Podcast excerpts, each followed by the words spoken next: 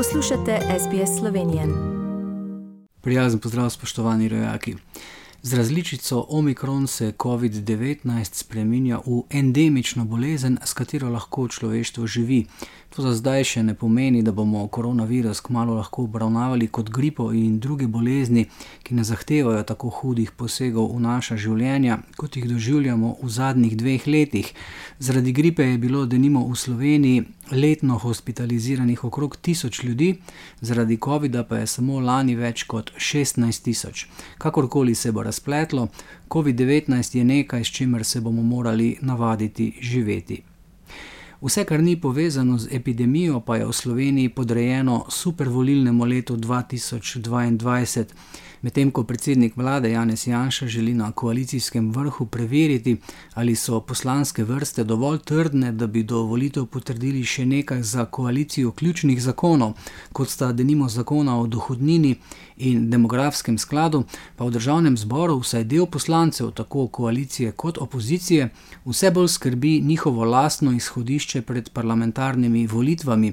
Vrstijo se prestopi posameznih poslancev iz ene stranke v drugo, zato je razmerje moči v parlamentu precej nestabilno in nepredvidljivo.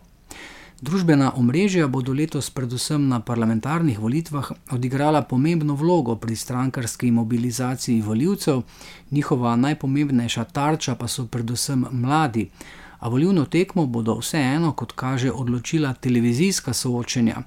Uradni vladni profil na Twitterju, denimo, ki ga vlada uporablja predvsem kot ideološko propagandistično orodje, ima dobrih 96 tisoč sledilcev, kar se je vladni strani najprej kazalo kot možno zdravilo za neuspešno nastopanje v klasičnih medijih, pa lahko ob številnih komunikacijskih zdrsih, ki si jih je doslej že privoščila, ob nezmerni in nepremišljeni rabi postane za nje strup.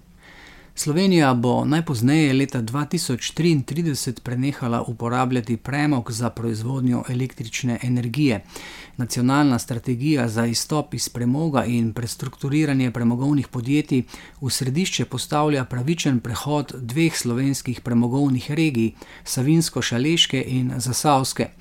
Ob letnici izstopa iz premoga strategija opredeljuje tudi proces celovitega družbenega in gospodarskega prestrukturiranja obeh regij, prepoznava finančne vire na nacionalni in evropski ravni ter način upravljanja.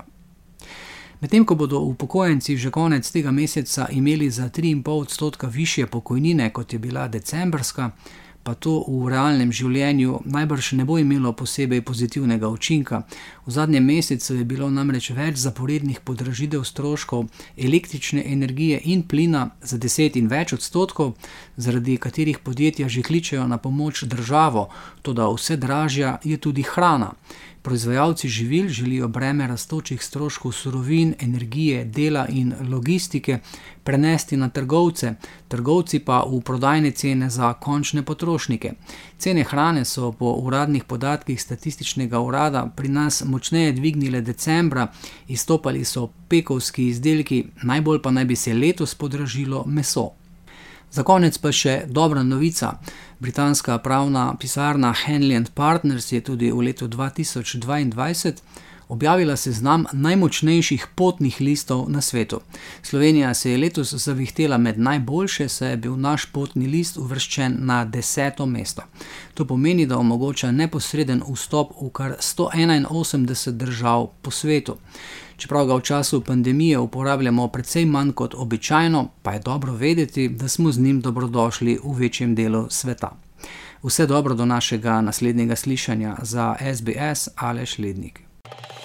Želite slišati sorodne zgodbe? Prisluhnite jim preko Apple ali Google podcasta, preko aplikacije Spotify ali kjerkoli drugje.